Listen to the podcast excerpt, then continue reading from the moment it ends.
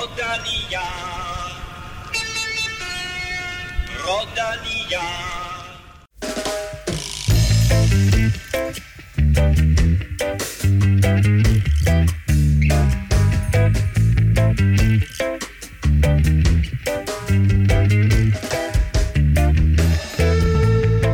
Det er ikke så længe siden, vi var der sidst, men der sker simpelthen så meget i årets Giro, at vi var nødt til at åbne caféen og snakke lidt cykelløb.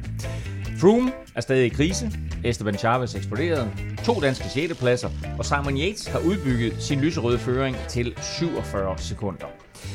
Velkommen til Velropa Podcast. Mit navn er Claus Elming, og jeg har i dag fået følgeskab af mine to faste håndlangere. Consiglieri, Stefan Djurhus. Oui. Buongiorno. Nej. Oui, oui. si, si, si. Buongiorno. Og Velropas helt egen mafiaboss, Kim Plesner. Sig. Så dejligt, du har styr på det italienske. Øh, er der andre ting, øh, de her fire ting, jeg lige skitserede, I har, I har lagt mærke til fra de første, eller fra de seneste tre etapper?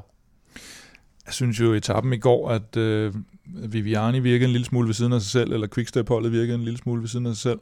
Det var så fint for Mørkøv, men øh, man må konstatere, at Viviani har jo ikke vundet en etape i Italien endnu. Altså i årets uh, I årets Giro. Nå, prøv at vi har meget, vi skal igennem, øh, fordi vi skal også snakke om et øh, meget omtalt styrt i, øh, i styrt i gåsøjne, i Tour of Norway. En helt genial prank har der også været i årets Giro. Det er kommet frem med af Tim Wellens og Adam Hansen. Adam Hansen.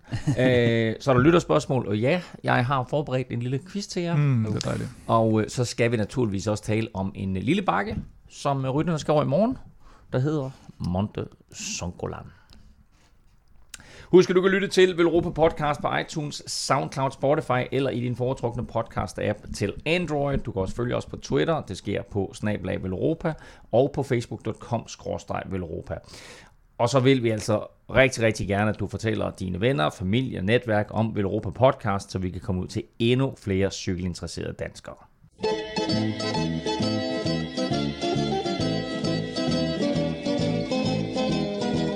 Der kører tre etaper siden hviledagen, og jeg tror roligt, vi kan konstatere, at øh, det har været tre meget begivenhedsrige dage på de italienske landeveje. Og lad os bare lægge ud med øh, 10. etape, som vi jo lavede optag til på hviledagen. Jeg tror ikke, at vi havde forestillet os, øh, da vi talte om øh, den her etape, hvor hård den ville blive, øh, og hvor stort udskillingsløb det ville blive.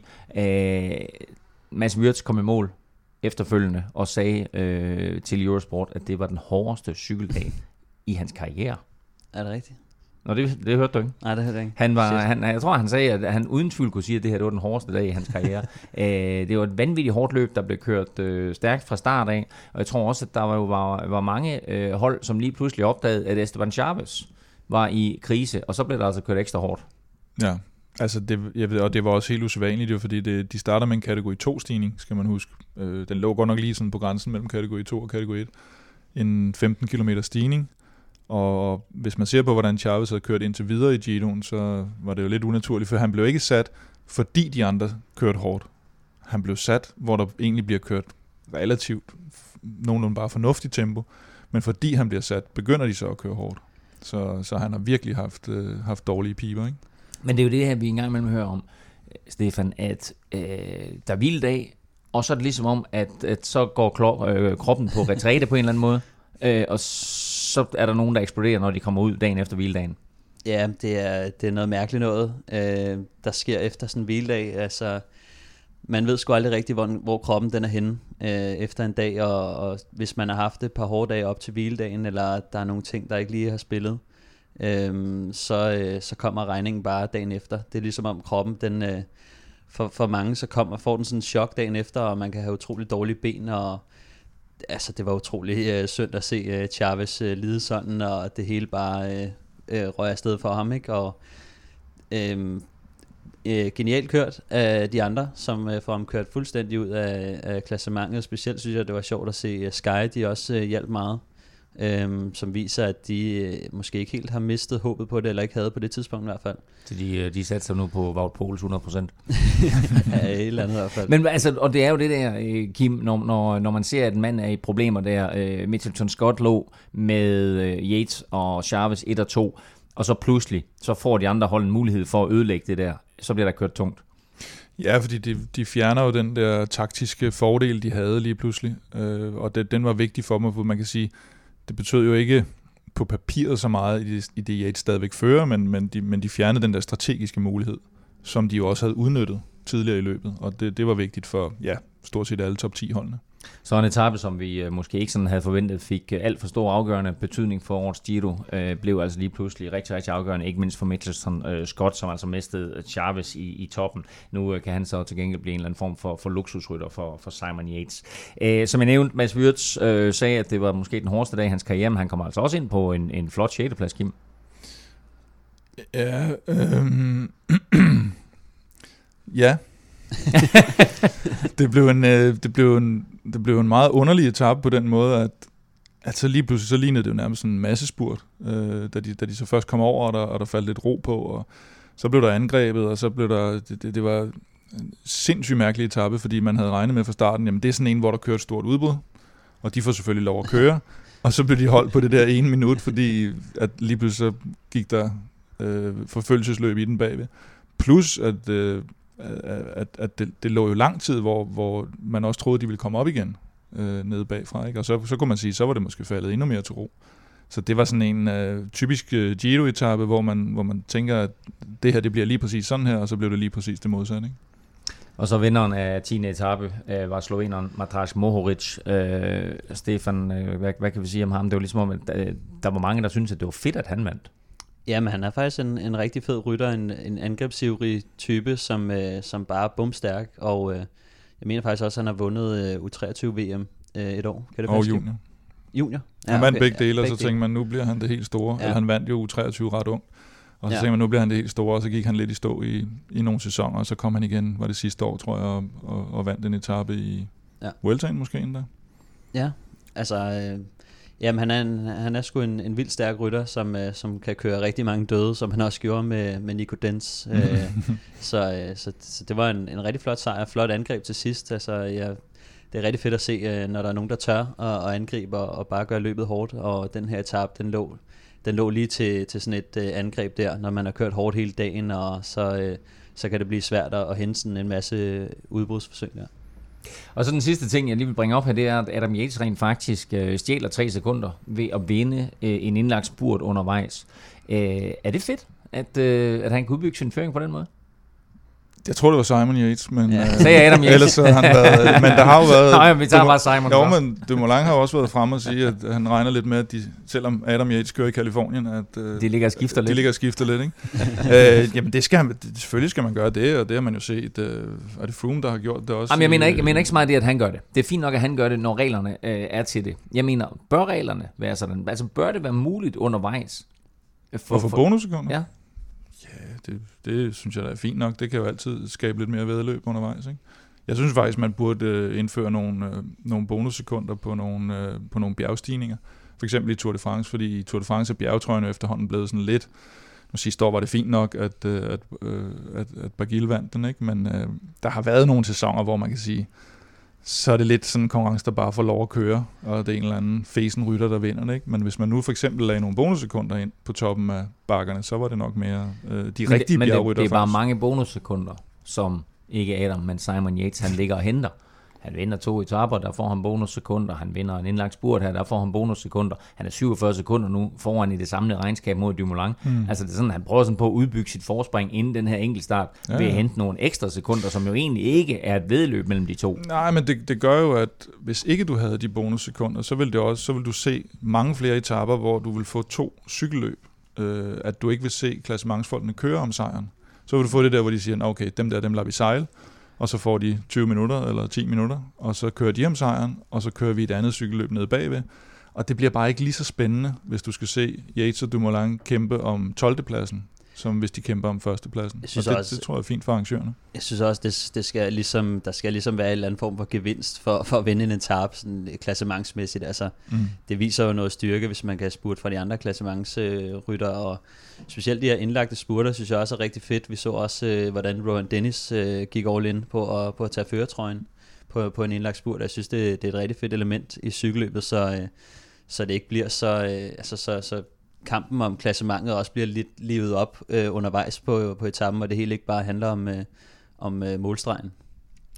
Og øh, Simon Yates øh, gjorde så... Øh, jeg vil sige skaden god igennem, det var selvfølgelig ikke skaden, fordi det var, det var meget, meget fornemt, men han vandt de her tre sekunder. Han vandt også etappen, 11. etape, mm. hvor han viste fremragende kørsel. Øh, og øh, sidder sådan og venter lidt, og så øh, sprinter han på det rigtige tidspunkt, sætter de andre på det rigtige tidspunkt. Der er ikke nogen, der er i stand til at følge med. Tom Dumoulin kommer op, får andenpladsen, så han minimerer det her bonussekundtab. Men øh, Simon Yates vinder sin anden etape, den anden i lyserødt i øvrigt. Ja, jeg synes, han var, det var vanvittigt stærkt at se ham blæse forbi Tim Vellens på en, på en Tim Vellens afslutning. Altså, det var, det var meget voldsomt. Men, men øh, og hvis ikke Dumoulin var kommet igen der, så var det lige før, det var game over, ikke? Men, men til gengæld så kørte han jo også sindssygt flot. Altså på en, på en stigning, der slet, slet ikke passer til ham. Den passede jo bedre til Yates, den afslutning, må man sige. Yates var så bare igen, som vi har snakket om 100 gange nu i Giroen, det der overskud, han kører med. Det ser helt vanvittigt ud. Øhm, og, og det er det, der bliver spændende at se. Hvis han kan holde det hele Giroen ud, så, så er han jo virkelig rykket op i en helt anden Men jeg må også sige, liga. Altså, for, to år siden, da Dumoulin han første gang blandede sig i toppen øh, i Giroen, der var jeg lidt overrasket over, at han kunne sidde med. Så vinder han sidste år selvfølgelig på baggrund af den her enkeltstart, hvor han slår Quintana. Men han sidder jo med. Han er der jo hele tiden. Det er ikke ham, der kommer til at lave de store udfald og de store angreb, men han sidder der, han bliver ikke smittet, han taber ikke voldsomt mange sekunder. Ja, det er jo hans, øh, hans kørestil, når man, når man har så god en enkeltstart, og når man er en, øh, en lidt tungere rytter, end, end Yates er, så, øh, så vil det gøre lidt ondt, når man kører op ad de lange bjerge, specielt på Sonkolang bliver det spændende at se, hvad, hvad han kan lave der, om han kan, om han kan holde Vellens inden for, for rimelig tid. Men, øh, men når man har den, den kørestil, som han har, så er det også vigtigt ikke at, altså han skal ikke ud og satse butikken på en, på en bjergetap. Det er kun, hvis han har skide gode øh, ben øh, den dag, at han, at han kan trykke på. Men ellers så, så handler det egentlig bare om at minimere øh, sit tidstab, og så afgøre det på enkeltstarten. Så springer vi øh, direkte videre til øh, gårdsdagens 12. etape, som, og vi må bare sige, at de her etaper, der bliver kørt fuld skrue. altså, der er ikke nogen nemme etaper, så, så selvom det der det var udsat til en sprinteretappe i går, så blev der kørt fuld tryk på. Og en af grundene var, at Quickstep, som du også nævnte i starten, Kim, øh, røg ud i en eller anden form for kommunikativ øh, krise. Øh, Elia Viviani blev smidt til at starte med, og øh, han sad dernede alene. Øh, så var de nødt til at sende et par rytter tilbage og prøve på at bringe ham tilbage, og så blev han smidt igen. Øh, så en sprinteretappe, som skulle have været til Viviani, øh, endte med i stedet for at gå til Sam Bennett, og Viviani var helt væk. Ja, og det var jo også, eller det var ikke kun ham, der røg ned, og hvad hedder det, Astana og, og Bahrein lå også og trak, fordi de lige pludselig havde deres folk nede bagved, og hvis ikke de havde gjort det, var de måske ikke engang kommet op i første omgang, og hvis ikke, der var også en motorcykel, der var ret flink ved dem, fordi når, når, når det er to italienske stjerner, der ligger i gruppe 2, så, så, skal, der, så skal der helst lige uh, ligge... Der skal, der skal lige være to eller tre det, kameraer dernede, Det er ikke? lidt ja, være vigtigt at lige få dokumenteret det, ikke? Uh, når Porto Vivo og, og Viviani, altså uh, bedste klassementshåb. Ja, Porto Vivo og- lå dernede, Ja. og Carapaz, som selvfølgelig ikke er italiener, men trods alt ligger i top 5 i klassementet, ja. lå dernede også. Men de to kom tilbage, øh, og Viviani formåede aldrig rigtigt at, øh, at komme Nej, tilbage. så, så bliver det jo regnvejr lige pludselig, øh, øh, regnet virkelig katte og hunde, ikke? Og, og så bliver det jo igen et helt andet cykelløb.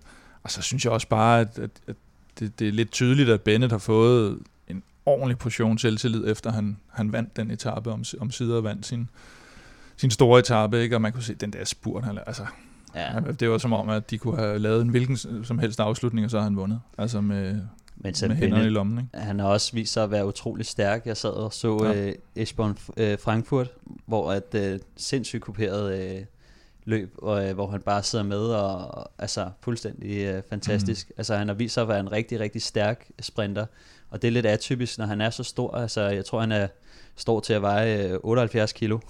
Og når, øh, når han så kører, øh, altså kan sidde med hjem i sådan en gruppe, hvor at det, det går op og ned, det viser bare et utroligt overskud, og han har ramt formen, og han er, han er god til, til, til også at, at hænge på, når det bliver rigtig hårdt. Og der synes jeg... Øh, Og prøv ikke bare at hænge på, fordi han var først over den sidste stigning. Altså han gav Ja. ja. fuld gas op over den sidste stigning, og udtalte i, i vinderinterview bagefter, at han var, han var bange for nedkørslen og så videre, og skulle ikke til at ende bag ved et eller andet styrt.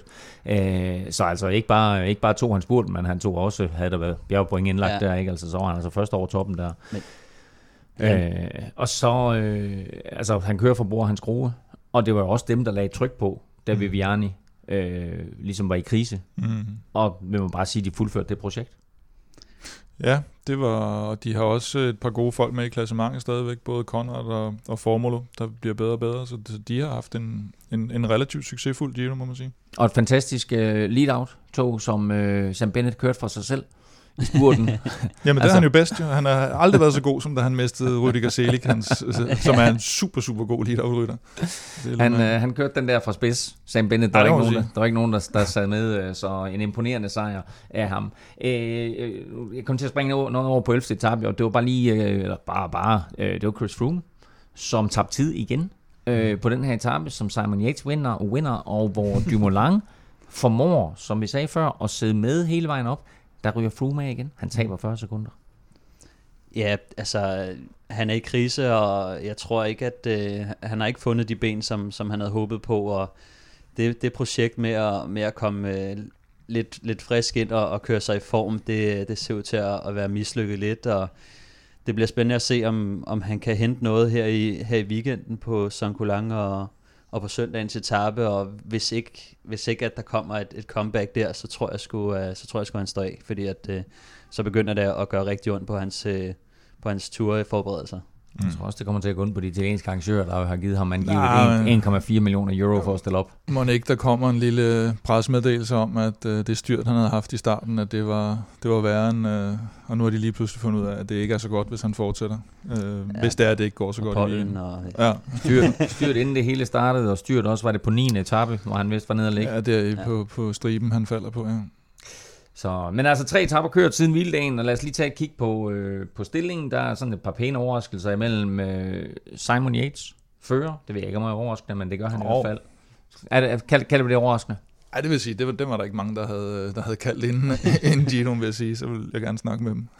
øh, jamen, altså, vi havde i hvert fald ikke nogen her, øh, som Nej, kaldte men den. efter, Øh, efter den første enkeltstart er det klart, at der kunne man se, okay, han møder altså op i topform, men jeg vil sige, inden han havde lavet den præstation, der, der var, selvfølgelig er han blandt outsiderkandidater, men der var ikke nogen, der havde, der havde taget ham som decideret vinder. Men altså, vi er også i godsøjne kun øh, lidt over, øh, ja, vi er ikke engang halvvejs endnu. Mm. Øh, eller jo, lige præcis faktisk. Øh, altså, kan han vinde det her?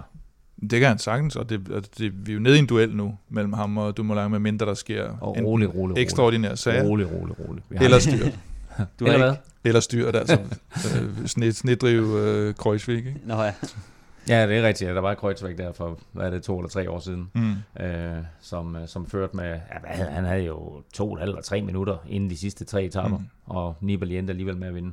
Øh, Tom Dumoulin er på anden plads. Han er 47 sekunder efter. Han har, han har selvfølgelig øh, det formel, han bare skal holde sig til, og så satser på, at han ligesom sidste år kan vinde det hele på enkeltstarten. Thibaut Pinot er 1.04 efter, og så Domenico Pozzovivo 1.18 efter. Og jeg tænker jo, at hans store chance på Portovivo, det er Songolan, som vi kommer til at tale om lidt senere, men han er vel øh, en af favoritterne til den etape, og vel også der, at han skal hente noget tid på de andre. Ja, men igen, på Vivo bliver hele tiden undervurderet, og jeg tror, jeg har sagt det før på enkeltstarteren. Jeg tror også, han kørte en god første enkeltstart, og, og hver gang han kommer i mål i en god tid på en enkeltstart, så siger kommentatorerne altså, at det var da en helt utrolig overraskende tid. og, og sådan har det bare været hele hans karriere. Han kører gerne måske sådan noget top 10-15 stykker på enkeltstarterne, hvis, det, hvis, det, hvis han er i form. Og det Så han er ikke, og, og Pinot er også øh, rigtig god på enkeltstarterne. Ikke? Så det er faktisk ikke, jeg synes ikke, det er de to, der faktisk har så meget brug for det. Det er nok mere sådan nogle Formolo-typer og, og Carapaz og, og, Åh, og men altså med, med 1.04 efter, der skal han jo hente et eller andet på Åh oh, jo, hvis han skal op og vinde, hvis han skal op og vinde, det, det, Som det, tror jeg sagt ikke. undertegnet jo. altså, den er også, etappen med Sonkolang er også skræddersyet til ham. Altså Ja, ja. Med, med så stejle procenter og så lille en fyr, så, så skal han prøve på et eller andet. Altså, Mm. mm. Femmeren i øh, løbet, det er en ung fyr fra Ecuador. Ecuador. der hedder Richard... Det hedder han ikke. Han hedder, hvad, hvad, hvad, hvordan siger man Richard på, på, ek, på, Jeg på tænker, spansk? uh, Rikard. Richard. Er det Richard? Richard Carapaz. uh, han er 1,56 efter, men uh, det er vel også lidt overraskende, at han ligger der. Jeg troede, du skulle sige, at han var 1,56 høj, men det passer måske også meget godt. Øh, ja, det... Jo, altså, der var, der var nogen, der havde forventninger til ham øh, inden, og, og han har også vist nogle frem. Der blev snakket lidt Betancourt, måske mest fra min side. men, øh, men han har kørt øh, super godt, og, og, men er nok også bedst i de der lidt mere eksplosive afslutninger, der, når, når, når de kommer nogle stykker samlet. Jeg, jeg, jeg glæder mig lidt til at se ham på de længere bjerge. Jeg, jeg hørte også, at han havde snakket om, at han nok ville miste noget tid i den sidste uge. Øhm, og han er jo også stadig en, en ung rytter, og har kun kørt øh, en Grand Tour før, som var Vueltaen sidste år, tror jeg. Øhm, så, så jeg tror, han står foran en stor udfordring. Indtil videre har han vist sig at være rigtig godt kørende, men jeg tror selv, han, han har lidt respekt for det, og må han selv kan mærke, at han er ved at være lidt træt eller, eller andet, siden mm. han går ud og siger, at han, han er bange for at miste tid her. Øh, men, øh, men det bliver sjovt, det bliver spændende at se, om, øh, om endnu en, en kolumbianer nu skal, skal træde ind i, i de voksnes rækker. Ja, så er han fra Ecuador, men, øh, Nå, undskyld. men ellers så øh, sydamerikaner kan vi tage ham. Det, det, det, det vil jeg give ham. George Bennett er 6'er. Rohan Dennis Ja. er 7, og det er vi nødt til lige at nævne, Ja, fordi øh, Alex Rasmussen mente, at Rohan Dennis han ville slutte i top 10, og der grinede øh, vist mest især jeg lidt af ham, og, og sagde til Kim, at Alex han aldrig kom med igen, men vi må bare sige, at øh, vi lovede ham også, at hvis Rohan Dennis han, han endte i top 10, så var Alex altid velkommen tilbage i Vel Europa podcast. Øh, men han ligger altså to og et halvt minut efter på, på syvende pladsen. Øh, så har vi øh, Fabio Ardo på 10. pladsen, vi har Superman Lopez på 11. pladsen, 3.17 efter. Ja. Og så er øh, Chris Froome øh, nummer 12 lige nu, 3.20 efter. Øh, er der nogen chance for de der øh, drenge, der øh, er tre minutter eller mere efter, for at komme Det- tilbage? Der skal ske noget i weekenden nu i hvert fald, ikke? Ellers så er det, jeg tror simpelthen ikke på den der med, at så, nu må vi se med sidste uge og sådan noget. Det er, det er typisk sådan noget, man siger, når det er gået af helvedes til i, i de første par uger. Det er sådan, jamen, jamen, vi regner med, at vi kommer tilbage i, i uge 3.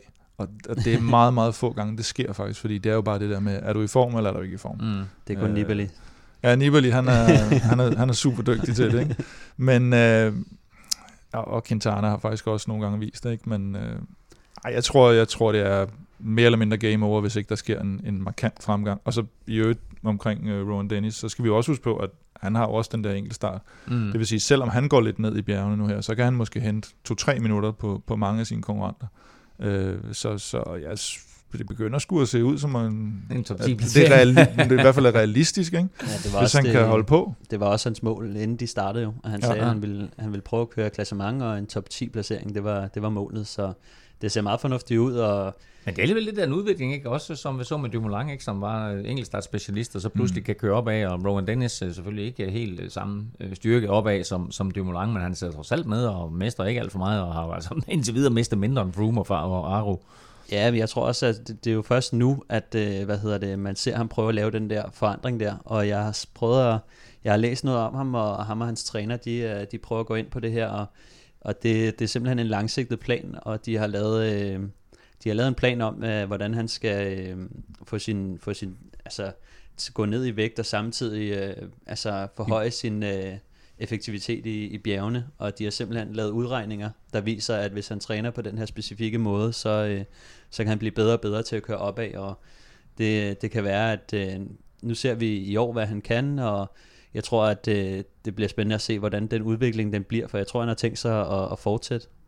Altså meget interessant jo, allerede at have en god enkeltstarter, så hvis han pludselig kan begynde at køre opad. Og han er jo ikke sådan, han er ikke verdens største fyr jo. Altså ikke, jeg tænker, hvis jeg umiddelbart siger, husker tilbage, så, så synes jeg ikke, at han er lige så stor som Dumoulin for eksempel, så han har måske lidt mere, øh, hvad skal vi sige, en bjergstørrelse. Nej, men man ser, jo, man ser jo fra tid til anden de der, der, der, har, der har gjort det godt i de der ene uges etabeløb, at de så vil prøve at se, om de også kan få det til at virke i, i tre uger. Man så en Rui TJ. Costa faktisk også, TJ van Garderen, som ikke har lykkes så godt med det. TJ er selvfølgelig blevet nummer 5 eller 4 i turen, så, så, så Ja. helt skidt er det selvfølgelig ikke. Men, øh, men man ser også nogle gange en, en, for eksempel en Rui Costa, der vandt Schweiz rundt tre år i træk, tror jeg, og tænkte, nu, nu skal han også til at køre ikke? og det, det gik bare slet ikke i, i en Grand Tour. Men spændende i hvert fald at se, hvad der sker med, øh, med Rohan Dennis, øh, ikke blot her i Giroen, men også fremadrettet. Øh, vi springer langt ned i klassementet. Vi skal ned til en fyr, der ligger 36 minutter efter. Det er Esteban Chavez. Ja. Det, det gik altså stærkt. Ikke? Fra, fra en anden plads til at være 36 minutter efter. Det er sådan en øh, 3-4 dobbelt Floyd Landis, han skal lave så. øh, Skal han have nogle plaster i bagdelen? ej, det skal han. Bedste dansker lige nu, det er Mads Wirtz. Han er nummer 89. Han er sådan en halvanden time efter. Øh, der, er, der er 169 ryttere tilbage i feltet. Ud af de 176 startende, så er altså kun syv, der har forladt løbet. Mads P. han er nummer 163 og nærmer sig Lanterne Rouge, eller hvad det nu hedder, øh, i Giro d'Italia. Ja. Øh, ved I godt, at øh, sådan en 5-6 år, omkring sådan fra 46 til 51, der var der faktisk en trøje til den dårligste rytter i Giro d'Italia-feltet. Ja. Den, ja, det ved jeg godt. Ja. Hvad farve Vi kan, i hvert fald ikke, vi kan i hvert fald ikke sige andet. Nej, nej, nej, nej. Der var en sort trøje, Præcis, mener jeg. ja. præcis. Maglia Nera blev uddelt til, til den dårligste rytter, men det sjove ved det, det var jo, at der var faktisk lidt konkurrence om at blive den dårligste rytter. Så det var sådan noget med, at, at øh, rytterne, de, sådan, de kørte ufattelig langsomt, og så gemte de sig nogle gange enten øh, ind, i, ind, ind i lader, eller gik på bar, eller gemte sig bag hække, eller punkterede sågar deres egen dæk for, for, for at tabe tid.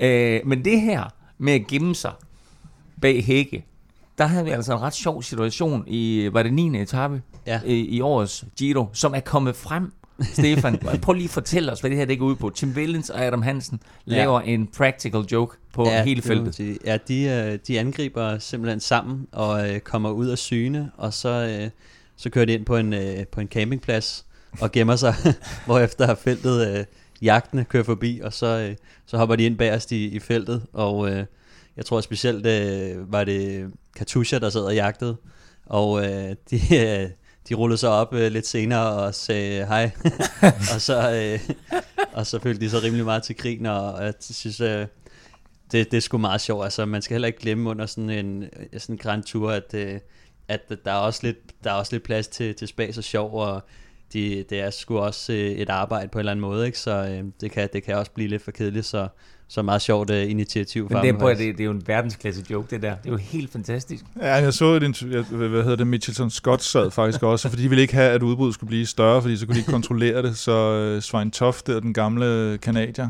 han sad jo, og han, jeg vil sige, i det interview, der var med ham efterfølgende, der var han sådan lidt, uh, hvor han blev spurgt, var det sjovt og sådan noget. Ah, haha. Ikke? Altså, han, han synes måske godt, at øh, han kunne have undværet at sidde og bruge øh, lidt ekstra kræfter, tror jeg. Men det, det er rigtigt, det, det, det giver sådan Han er, også... jo, han er jo meget, meget tæt på Mark Lianetta. Han er næst sidst i Ja. løbet, og det er jo sådan en klassiker. Han plejer at slutte sidst eller næst sidst. Men det, men det er jo også, altså det, det giver jo sådan nogle minder om, om en svunden tid, ikke? Hvor, hvor Bahamontes kørte først op til, på bjerget og gik ind og købte en is og stillede sig om bag et træ, og så kørte folk forbi på toppen, og så hentede han på nedkørselen med, med isen i hånden, og, og sagde hej hej, ikke? og så kørte han bare fra dem igen. Så, så det, det, på den måde er det jo sådan cykelhistorisk øh, ret sjovt, men det er klart, hvis du sidder derude og... Hvis man lider rigtig meget, så, så er det sgu ikke sjovt, fordi Vellen så er sgu en stærk rytter, som, Ja, ja. som ikke må Ja. få for lang snor, ikke? Så, men øh, det er sgu meget sjovt. Jeg kan godt forstå, at nogle af dem, der sidder og rigtig ondt, de, øh, de måske ikke griner så meget, men, men øh, når Sion er færdig, så tror jeg, at de synes, det er meget sjovt også. Men det er også altså, øh, det siger også alt om tv-dækningen i Giroen, ikke? At det er sådan, at de kan gøre det, for det, jeg tror aldrig, det var sket i Tour de France, ikke? Der havde jo været et eller to Ja. kameraer, hel- helikopterskud og alt muligt, og så videre. Men, øh, men her der er de altså i stand til at forsvinde og, øh, og køre ind, og så lave den her practical joke på, på resten af feltet. Øh, vi skal tale om noget, som ikke er en, øh, er en practical joke, øh, men måske bare en joke i det hele taget. øh, og øh, vi har faktisk fået et spørgsmål om det fra Morten Asp Hansen, der spørger til en situation, som øh, florerede på Twitter i går. Der er en, der er en video, som man kan gå ind og se, øh, og florerer på andre sociale medier også. Øh, og Morten han spørger, hvad sker der lige for ham, rytteren, der i gåseøjne styrter i Tour of Norway? Øh, og prøv, Kim, prøv lige at rise, øh, rise øh, videoen op, og man kan selvfølgelig man kan se den inde på velropa.dk, øh, hvor, hvor du lægger den op nu her. Okay. Ja, det, det, det beslutter jeg mig lige I for. hvert fald, jeg har i hvert fald uh, retweetet den på, på, på Twitter. på Vel Europa derinde, ja, og, og Mørkøv har også gjort det, og, og Thomas de Gent.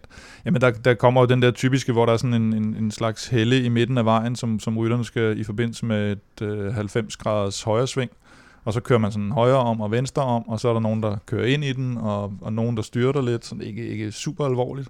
Øhm, og så lige pludselig så er der sådan en CCC-rytter, som kører nærmest op på den der helle stille og roligt, og lægger cyklen ned og sætter sig ned ved siden af, og tænker, det sidder da meget godt her. Og så... Øh, jeg Det var inden for de sidste tre kilometer, Ja, så han øh, gik han, på han en tænkte, måde. at, øh, at nu øh, så kunne han lige så godt få, få, få godskrevet samme tid, ikke? i stedet for at risikere at blive, blive holdt op bag styrtet, og så stadigvæk køre videre og miste tid. Så Jeg ved han, ikke, han, han fungerer et styrt, simpelthen. altså jeg ved ikke, hvis man nu ser på hans, øh, på hans øh, meritter indtil videre i karrieren, den, den 27-årige, nu kan jeg ikke huske, hvad han hed, det ved du, han er en par lidt eller andet. Pavel, ikke? Rigtigt, ja. øh, så ved jeg ikke, om man kunne forestille sig, at han gør sig de store forhåbninger om at køre klassement i, i Tour of Norway, der, der alligevel er relativt godt besat. Men det var det, han brugte som hvad skal man sige, undskyldning for den lidt klodsede episode der, at, at han ville simpelthen ikke miste tid. Det ville han ikke risikere.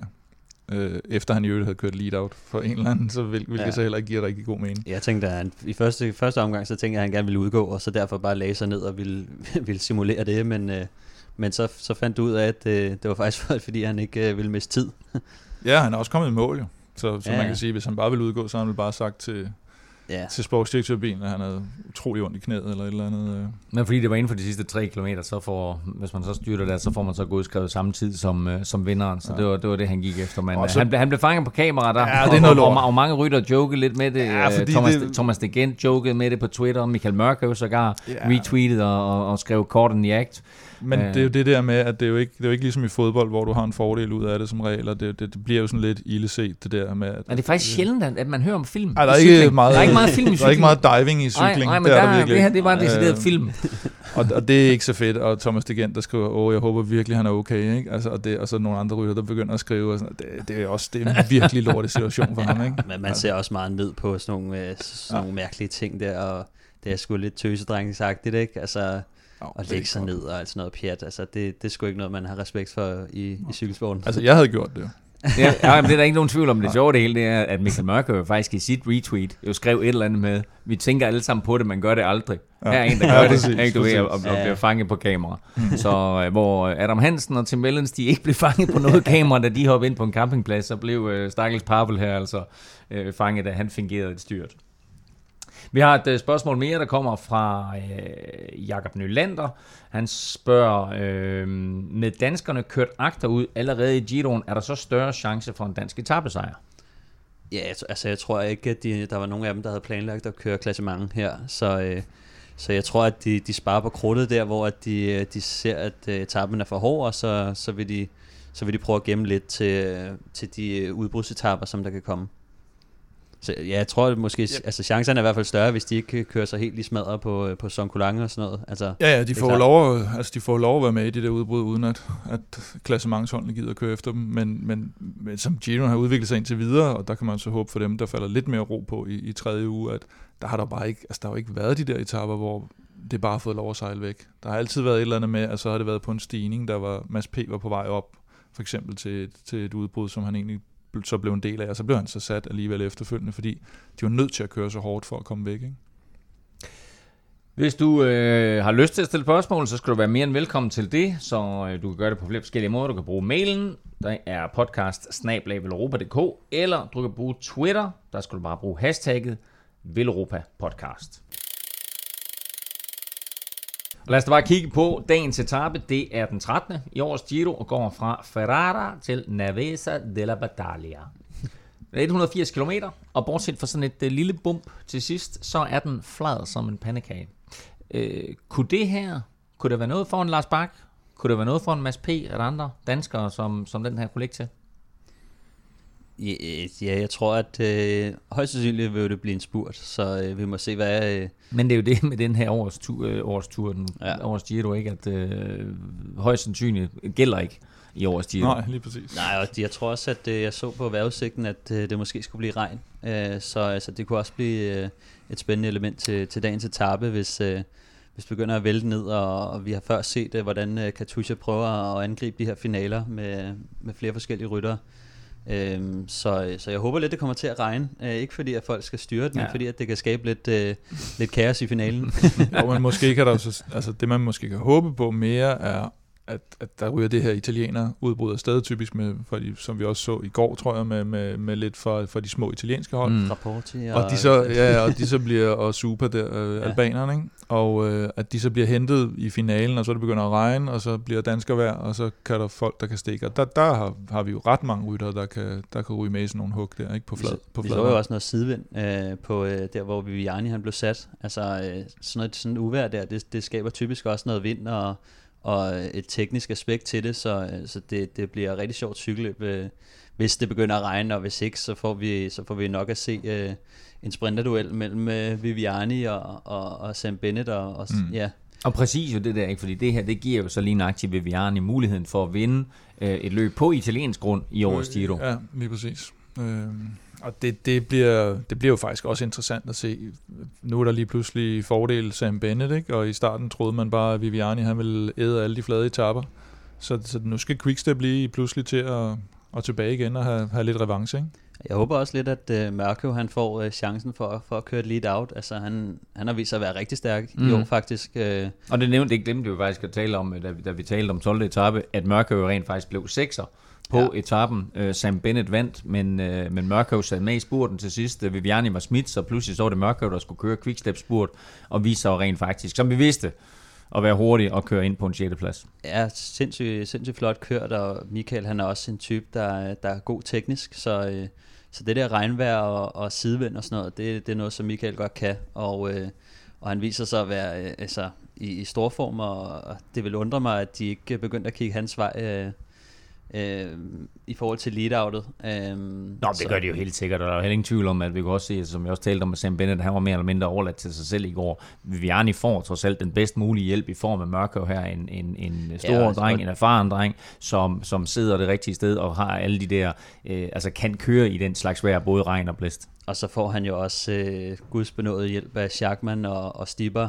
øh, til Mm. at, og, og han sidder jo og guider dem, øh, hvordan de skal gøre det, og Stibar var nok ikke hans bedste ven i går. Der var, der var, et, eller andet, der var et eller andet med, at mens var ved at blive sat, så kørte Stibar tungt op foran for at hente et eller andet udbrud, så der var en eller anden helt, der var noget galt, helt galt med kommunikationen Ja, på, på, det- på Quickstep i går. det siger lidt om det kaos, når, når, når regnen den, den falder og vinden blæser, så er det sgu ret svært at høre øh, i sådan en radio der. Øh, så så det, det viser lidt om det kaos, der er, og så kommer man jo lidt tilbage til det der gammeldags cykelløb øh, uden, uden radio, ikke? Hvor, hvor, der hele, øh, hvor der er lidt mere kaos på det. Så øh, altså, hvis de havde fået at vide, at han var ved at blive sat, så, så kunne det jo godt være, at de havde sendt, sendt to mand ned efter ham, og måske kunne have hjulpet ham op. Men, øh, men, men jeg synes godt det, det, det er et element til cykelsporten, og man skal også kunne klare sig på egen hånd, og det, det viser lidt, at Viviani måske var lidt ufokuseret, eller, eller havde en dårlig dag, og bare ikke kunne følge med. Og lad os, øh, lad os bare håbe for, for ham og for Michael Mørkøv, at han har bedre ben øh, nu her i dag på, på fredagens etape, og måske øh, sidder med i den afgørende spurt til aller, aller sidst. Kunne selvfølgelig også være rart med et, øh, et udbrud med en dansk eller to med, og måske en, en dansk etappesejr. Lad os øh, komme til dagens quiz. Jeg har forberedt en lille quiz til jer. Øh, fordi, øh, apropos, Ole Ritter, siger jeg. Ole, Ole Ritter, siger du? Mm. øh, apropos, øh, øh, Ole Ritter var svaret i, i sidste uge, øh, eller i, på hviledagen, hvor du var meget ked af, Kim, at du ikke øh, huskede, at det var faktisk Ole Ritter, der havde flest Han sejre var, i Giroen. han var ikke engang i nærheden af at være inde på lystavlen. Nej, øh, men det er også, prøv at man, man får sådan en quiz øh, slynget i hovedet, og så sidder man der, og så går klappen ned, og sådan er det. Men, men Ole Ritter øh, er den dansker med, med flest etappesejre øh, i Giroen med, med tre. Øh, dagens spørgsmål er, Lars Bak kører sin 10. Giro detaljer. Det er flest af alle danskere nogensinde. Hvem har kørt næst flest? Godt. I får lov til at sidde og tænke lidt over det. Og øh, så går vi videre med øh, dette lille, Default answer, det er altid Rolf Sørensen. det er aldrig rigtigt. og så går vi videre med dette dejlige lille indslag om, at du rent faktisk kan træne sammen med Velropa. Foråret har langt om længe ramt Danmark, og det er nu, du skal støve raceren af, smøre gearne og klikke i pedalerne. Og mangler du nogen at køre de nordsjællandske veje tynde med? Ja, så har Villeuropa selvfølgelig også tænkt på det. To gange om ugen ruller en flok glade Villeuropæere afsted på Villeuropa Café på Bispingen 1 på Frederiksberg. Det er fuldstændig gratis at deltage. Du skal bare møde op og være klar til at cykle onsdag kl. 17.30 og søndag kl. 9. Læs mere om fællestræningerne på Villeuropas Facebook-side. Vi ses! Og lad os så vende blikket mod noget, der i den grad kræver træning, nemlig lørdagens etape, 14. etape, der går fra San Vito al Tagliamento til Monte Soncolan. 186 km, længden den er sådan forholdsvis irrelevant. Det eneste, den her etape drejer sig om, det er afslutningen. Opkørslen til Monte Soncolan, den er 10 km lang. Den har en gennemsnitsstigning på latterlig 11,9 og så har den stykker undervejs med 20% og 22%. Det her, det er en brutal stigning. En af de værste og vildeste i øh, cykling overhovedet. Kim, det her det er vanvittigt. Ja, det er en af de, øh, det er en af de stejle, sammen med Angli Ru, som vi også har været inde på i vores, vores Giro-optag, der er det måske de to, øh, og Morgidolo. Er de, øh, de nogle af de, de hårde drenge, ikke? Og, og det bliver lidt, det, det kan lidt blive en, en dreng og en pige, ikke? Og, om, om det bliver spektakulært cykelløb, eller om det bliver sådan noget, at, at det simpelthen er så hårdt, at, at de bare ligger med x antal meters afstand, og så, så rykker det sig egentlig ikke så meget. Men med, med den måde, Giroen har udviklet sig på i år, der, der tror man jo nærmest, at øh, det ikke kan undgå at blive festfyrværkeri. Hvordan tror du, at etappen her kommer til at blive kørt, Stefan? Jeg tror, der kommer til at blive rigtig god spredning på til gengæld. Det, det er svært, når, når procenterne kommer op omkring 20 procent, at man får ingenting ud af at sidde på dæk længere, fordi det går så langsomt. Øhm, så, øh, så jeg tror, det kommer til at skabe rigtig stor spredning, og så tror jeg også, vi vil se øh, nogle, øh, nogle i top 10, der, der, der simpelthen har en off-day, eller, eller falder lidt ud, fordi det er så svært at gemme sig på sådan Rohan en stigning. Dennis. Specielt Rowan Dennis, tænker jeg faktisk... Øh, jeg har ham lidt til at, til at ryge lidt ud af, af top 10, faktisk. Øh, men øh, nu må vi se, hvor, hvor meget han har forbedret sig på, på den her type stigninger, men, øh, men utrolig, der kommer et langt stykke, som er 20 procent øh, på den her stigning, og, og det, det, bliver, øh, det bliver rigtig, rigtig hårdt. Altså, det er, det er sådan, hvor de fleste, øh, som ikke er professionelle, de må stå af og trække. Altså, Jo, og så synes jeg også, man nogle gange ser på de her, at, at så kommer der sådan en, som bare er i god form. Altså en, en rytter, som er sådan måske mellem type, men simpelthen på grund af formen, at, at de så møver sig, møver sig op i blandt nogen, som, som de måske ikke vil sidde med, og så netop, som du siger, nogen for, for klassementet, der, der, der enten ligger for hårdt ud måske, og så lige pludselig eksploderer. Ligesom vi så med, Øh. med Chavez, altså Ja. det, den kommer lidt bag på os, og det, det er netop sådan nogle her øh, bjerge her. Den her, den er så endnu værre. Øh, men det er netop sådan nogle her dage, som, som gør, at man, man kan miste alt. Altså hvis mm. man først... Og det, det er så svært med de her stigninger, fordi går man først kold, altså går man... Man ligger så tæt på grænsen, at øh, man skal virkelig passe på ikke at... Går man med i et ryg, og, og man ikke har dagen, jamen så, så bliver man bare sat, og så går der hurtigt tre minutter, øh, før, man, før, før man er kommet sig igen, ikke? Så... Vil du sige noget, Kim? Nej. Nej. der, er, der, der er tre kategori 3 stigninger og en kategori 2 stigning, plus det løse, inden de rammer Sonkolang. Hvad kommer det til at betyde? det kommer til at betyde, at de, er, de har ømme ben, når de kommer frem til St. Colang, og det, øh, det kommer til at spille en stor rolle, fordi at øh, altså, der kommer større, øh, større tidstab og, og altså større distance mellem, mellem folk, når de, når de har ømme ben. Så øh, havde det nu været en, en flad øh, dag hele vejen frem til, så ville de alle sammen have rimelig meget energi. Øh, så de ville komme langt op af stigningen, før, at den, før de rigtig begyndte at, at kunne mærke benene, men men de her stigninger, det, det er simpelthen bare en, en, en, 13, en, 13, en 13. omgang. Øh, så, så når de kommer frem, så, øh, så vil det virkelig vise, øh, hvem der har noget at køre med. Og jeg tror, at der vil blive udskilling fra tidligt. Ja, jeg synes, man har set en tendens også i den her Giro, at, at specielt øh, Astana, uh, Mitchelton Scott og til dels også Sky nogle gange har, har gået tidligt frem og har sat noget tempo. Og man kan sige, at Sky og Astana burde måske ikke gøre det, men på den anden side, så er de også i en disper- så desperat en situation nu, at nu må det briste eller bære. Det vil sige, at de skal have gjort det hårdt. Hvis, hvis, hvis Astana tror på Lopez, så vil de måske gøre ligesom på, nu kan jeg faktisk ikke huske, hvad det var for en etape, det, oh, det var Gran Sasso, hvor de, hvor de virkelig tidligt gik frem. Ikke? Og så mislykkedes det, men øh, De har ikke noget at tabe.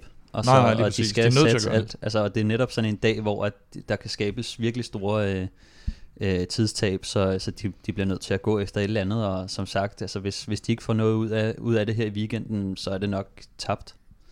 Hvad har de på uh, gearing til sådan en, en, en etape her, sådan en afslutning? Altså som minimum, så har de en, øh, en kassette på, der er lidt større. Normalt så kører man jo med en øh, 1125, øh, hvor at den altså mindste er 11, og den, og den højeste øh, bagpå, det er 25. Typisk så sætter man en, en 1128 på, så man lige har lidt mere at give af. Men jeg, jeg er faktisk lidt spændt på Altså, at se. Contador har jo øh, til tider kørt uh, Tour de France med en 32 bagpå. Jamen det er det, altså det, det, det kræver, når man kommer op på, på, på de helt stejle procenter, at det er sgu meget rart at have, have lidt mere give af. Øh, det, det kan skabe en meget bedre rytme, øh, og man ikke skal sidde og, og hugge i det, og det værste det er simpelthen, hvis man, hvis man ikke har øh, et ordentligt gear på, fordi at, øh, så kommer det til at, at gøre rigtig, Mm. rigtig ondt, ikke? og man kommer til at zigzagge og så videre, så det, man kunne godt se øh, nogle meget store kassetter. Øh, Og hvad, hvad med foran? Er der nogen større forskel der? Øhm, ja, jeg tror sgu, det, der kommer også til at være nogle flade stykker, og, man skal også kunne køre nedad. Øh, så, øh, så hvis, altså, når der er de her nedadkørsler, så, så er det sgu også meget rart, hvis man nu har mistet lidt hen over toppen på en af de andre, og man skal sidde og hente, så, så, øh, så er det ret vigtigt at have den, øh, den store klinge foran os. Så jeg tror ikke, at man kommer til at se øh, en, øh, en størrelse 50 foran, eller sådan noget lignende. Øh, de kører nok stadig med, med en 53'er foran. Det vil jeg gætte på i hvert fald. Måske har de sat en mindre lille klinge på. Øh, Der var noget, noget 53-39 vagt eller et eller andet, eller hvad? ja, det, det ser man jo typisk her. Ja. Og kunne man forestille sig, at øh, de simpelthen gik ud i noget cykelskift? At de kører øh, hele vejen frem til Sonkolan, og så mellemstykket fra den sidste kategori 3 stigning og ind til Sonkolan, der kommer en eller anden form for cykelskift. Ja, det gætter jeg ikke på. Altså, øh, det, det skulle være, hvis den var, hvis den var pandekageflad hele vejen hen. Øh, så kunne det måske betale sig at køre på en aerocykel og skifte til en bjergcykel, men når der er flere stigninger på, så tror jeg bare, at de tager det, det lette setup på øh, fra start af. Og det er den ikke, fordi den går nærmest direkte fra øh, nedkørselen på den sidste kategori 3 stigning, ned i bunden, og så op ad Sonkolang, og så ja. de der sidste små 11 km, som, øh, som i den grad øh, går op af sådan en voldsom, voldsom afslutning. Øh, vi forventer ikke, at Niklas E. han vinder, men altså det her det er jo sådan en etape, hvor han ligesom skal ud og, og måle kræfter, øh, Kim, med nogle af de allerstørste. Hvad, hvad kan vi forvente af ham? Ja, han skal ud i et hug selvfølgelig, hvis, øh, hvis han skal have en chance for at, at lave noget, og, og der er det så igen, hvor hård bliver etappen op til. Øh, og det, det, det kan man igen godt frygte, at, at de ja. har bare været kørt virkelig hårdt i etapperne. Og vi skal regne med, at det her, det er sådan en, det er jo ikke engang tredje uge det her, det er sådan en forsmag på tredje uge mm. stadigvæk. Der er hviledag på mandag, tror jeg. Ja, og det, ja. Og, og det vil sige, der, der bliver stadigvæk, det har ikke sådan rigtig sat sig løbet endnu. Der er stadigvæk, selvom vi har dømt Froome og Lopez ud og så videre, ikke? Så ved de godt, at med en god weekend, så kan du, lidt, så kan du komme tilbage. Ikke? Og de har også nogle navne, som, som bliver nødt til at gå efter sejren. Altså havde, havde man nu set, altså sådan en som Formulo, han er måske også tilfreds med en top 10 i sidste ende, men, men Froome og Lopez, de bliver nødt til at gå efter sejren, så jeg tror, de vil, de vil gøre alt, hvad de kan. Og, øh, men ligger, ligger Sonkolan overhovedet til Froome? Nej, ikke specielt. Jo, øh, 2013 Froome lå den rigtig godt til, ikke? men der lå alt jo godt til ham. Ikke? Mm.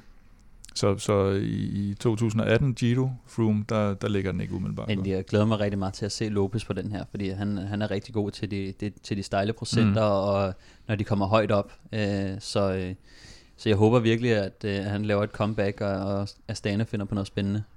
Jeg tror, jeg, jeg tror egentlig, at, at hvis jeg skulle sådan sige, hvad jeg tror, der bliver afgørende for, for mange af de her, der er efter Yates, det bliver at dem, der ikke går, dem, der ikke går for, for hårdt efter Yates til at starte med, tror jeg faktisk har en større chance. Jeg tror, der er nogen, der vil brænde ud, og det vil være de to-tre stykker, der tænker, nu, nu skal jeg bare gå efter Yates, og så knækker de simpelthen nakken. Men hvad med Yates? Jamen, jeg tror, han flyver fra dem. Det tror jeg. Han Men viste jo også, at uh, på det, hvis han kan sætte de andre på, på en kort stigning, ja. uh, sådan der, så, uh, hvad kan han så ikke lave på en, på en lang stigning? Ikke? Altså ja. han kan sætte den, når det passer ham. Så, og, og ved vi, om det er Adam eller Simon, der kører i morgen? det er nok Simon. ja.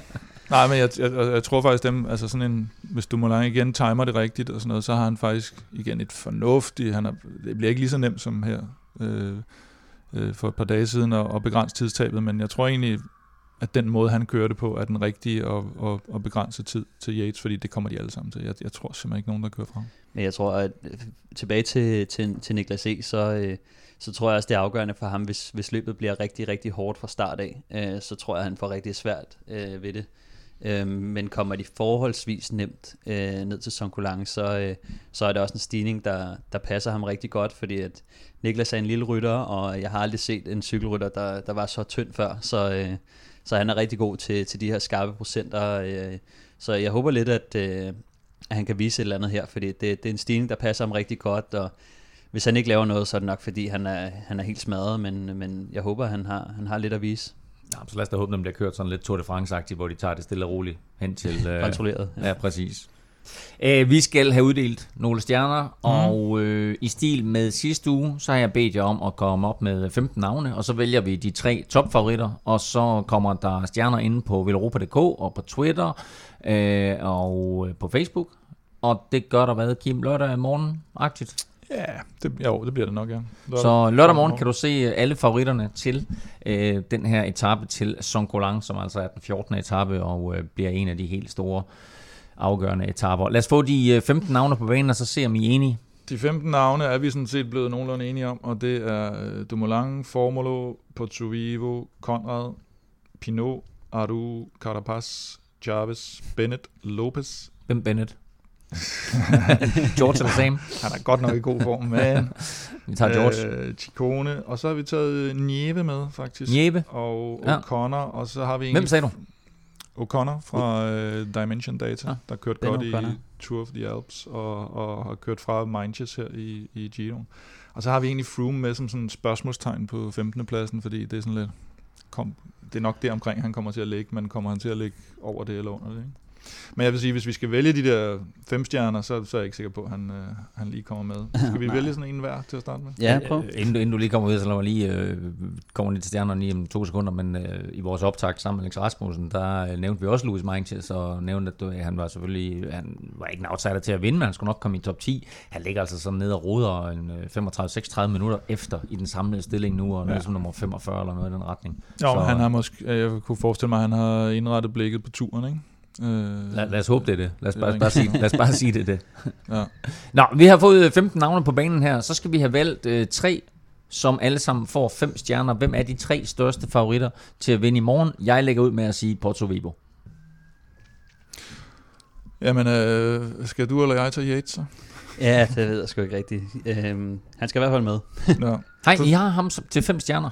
Helt sikkert. selvfølgelig. Ja, okay. Ja, Ja, ja. ja. Og Det er jo kun fordi, du har Porto Vivo som samlevinder, du har. Ja, det er også første rigtigt. mand. Så skal vi have valgt den tredje til... øh, Jeg, jeg skulle lige før, at jeg... Altså, det burde jo blive Pinot, ikke? Men, men jeg, jeg, jeg har... Men passer den type stigning til Pinot? Ja, men han er så god. Jeg, jeg tænker bare lidt Formula. Jeg synes Formula, så styrtede han, og så kom han, så racede han tilbage og kom, og kom ikke rigtig med på den, hvor han tabte tid, og så har han egentlig set ret godt ud, og han er lille, og det vil nok blive mit... Øh, det vil Måske. blive dit bud. Jeg Måske, vil ja. nok gå med Pinot, Ja. øh, som er som alt andet lige er en bedre etabeløbsrytter end Formula er hvad med Lopez? endnu. Skulle du ikke have Lopez op? På? Jo, jeg kunne godt tænke mig at sige Lopez, men han, altså, han har ikke rigtig vist noget, jo, så, øh, så det er lidt svært at pege på ham, men jeg tror, at det her, altså, det er nok det bjerg, hvor han kan gøre et comeback, og Ja. øh, så må vi se, altså han har været nede og ligge, og der har været, øh, der har været Skal vi tage Lopez? Han kører vel ikke i grøften nu, op ad Sonkolan. Jeg vil gerne sige, jeg vil gerne sige Lopez. Jeg vil i hvert fald ikke sige uh, Tom Dumoulin. Uh, jeg tror, han mister tid. Ja. Godt. Så vi har Yates, vi har Porto Vivo, og vi har Superman Lopez. ja, lad os gøre det. Ja, lad os gøre det. Ikke? Godt. Den Det er, de, øh, det er de tre ryttere med fem stjerner. Nå, selvom jeg ikke er meget for det, så skal vi også lige vende øh, Giro-spillet. Øh, Jeg har jo sat det her hold, som er et enkelt specialist hold, og har ikke skiftet ud på det, så jeg har sparet ufattelig mange omkostninger Ja. øh, tran- i transfergebyr og så videre, men, øh, men det går heller ikke så godt for mig. Øh, jeg ligger formodentlig sidst i, i Vel Europa-gruppen. Øh, Kim Plesner, du har til gengæld haft et par gode dage her. Jeg har haft et par gode dage ja, med, med Yates og Sam Bennett, øhm, og ligger vel 230-50 stykker. Lad nu være med at lade som om du ikke ved. Du ved præcis, hvor du ligger. Ej, det gør Ikke, du ved 241. Du ved nøjagtigt, hvor du ligger. 236,5. Ej, jeg, jeg mener, det er omkring 230. Og det er samlet, det er, det er overall. Ja. Og hvor mange deltager alt i alt i Giro-spillet? Det er på, det er på holdet.dk. 7.000, tror jeg. Men jeg tror, jeg ligger jo hvad? Jo, jeg, jeg tror lige, jeg kom ind på side 1 der i top 25 Nå. i, i Velropa-puljen, så der er stadigvæk hård kamp okay. om, øh, Ja. Om pladserne der, ikke? Og øh, Stefan, øh, du øh, spiller på flere heste, som man siger. Jamen, øh, jeg havde jo egentlig lavet mit første Giro-hold, og, øh, og så, så fik jeg at vide, at jeg skulle lave et nyt og tilmelde det til, øh, til, til vores gruppe. ja. Og, øh, så jeg har to hold, og øh, det ene, som jeg har tilmeldt Velropa-gruppen selvfølgelig, det er det, der klarer dårligst. Og der ligger jeg omkring nummer 700 stadig. På mit andet hold, første holdet, Ja. øh, der ligger jeg nummer 300. 300 Okay, noget, så så jeg, du skal da jeg have lidt nærmer mere over. lidt, Altså, øh, fordi Du det, bare- det, det, du det er er, at du kan bare tilmelde det. Er Jo. bare tilmelde. mm, så gør jeg det. Så Ja. gør jeg det. Gør det. Så Og er der det- jo kamp om det. Og det gælder sådan Ja. set også alle jer, der, der lytter med derude, at uh, spiller du med på holdet.dk på Giro-spillet, så kan du stadigvæk nå at tilmelde dig Velropa-gruppen, og den hedder Kim Velropa Giro. Velropa Giro. Men man kan kun tilmelde et hold per deltager. Nå, men så kan Stefan jo ikke jo, tilmelde. for han kan skifte Ja, han kan skifte ud, okay. Ja. Nå. Der er også Og nogen, der hvis så man har er med, lavet... så er kodeordet, lidt- hvis man er med, så er kodeordet vejkaptajn. Vejkaptajn. Vejkaptajn. Vi skal øh, have afsluttet quizzen. Ja, jeg spurgte. Lars Bak har vundet, ikke har vundet, men uh, Lars Bak har vundet 10 Giro. Nej, uh, Lars Bak har deltaget i uh, 10 Giro detaljer. Hvem er den dansker, der har deltaget i næstflest? Altså, man burde, man burde sige Rolf Sørensen, det er Jesper Skibby, og jeg siger Ole Ritter. Ej, Ole Ritter var også svaret sidst jo. Jeg siger Ole Ritter. Du siger Ole Ritter. Jamen, så tager jeg... Jeg gider ikke tage nogen af du, du har sagt, så, så, jeg, så jeg tager Bjørn Ries. Godt. Det rigtige svar er med ni deltagelser i Giro detaljer. Ole Ritter. Ej, Sådan der. Ah, det var stærkt, Kim. Ja, så Det var alligevel, det var, det var meget ja, godt. du fik kun nævnt tre, og så... Du- Ja, præcis. Du, du faldt ikke for mit lille trickery, trickery. Nej, så, nej, nej. Nå, jamen øh, point til dig, Kim, for det. Øhm, jeg vil bare sige tak til jer begge to. Prøv at høre, jeg glæder mig sygt meget til lørdagens etape. Ja.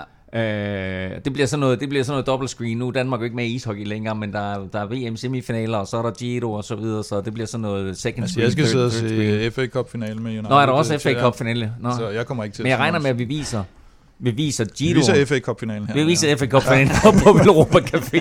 Det er stærkt. ja. Og i pausen viser vi ishockey. Nå.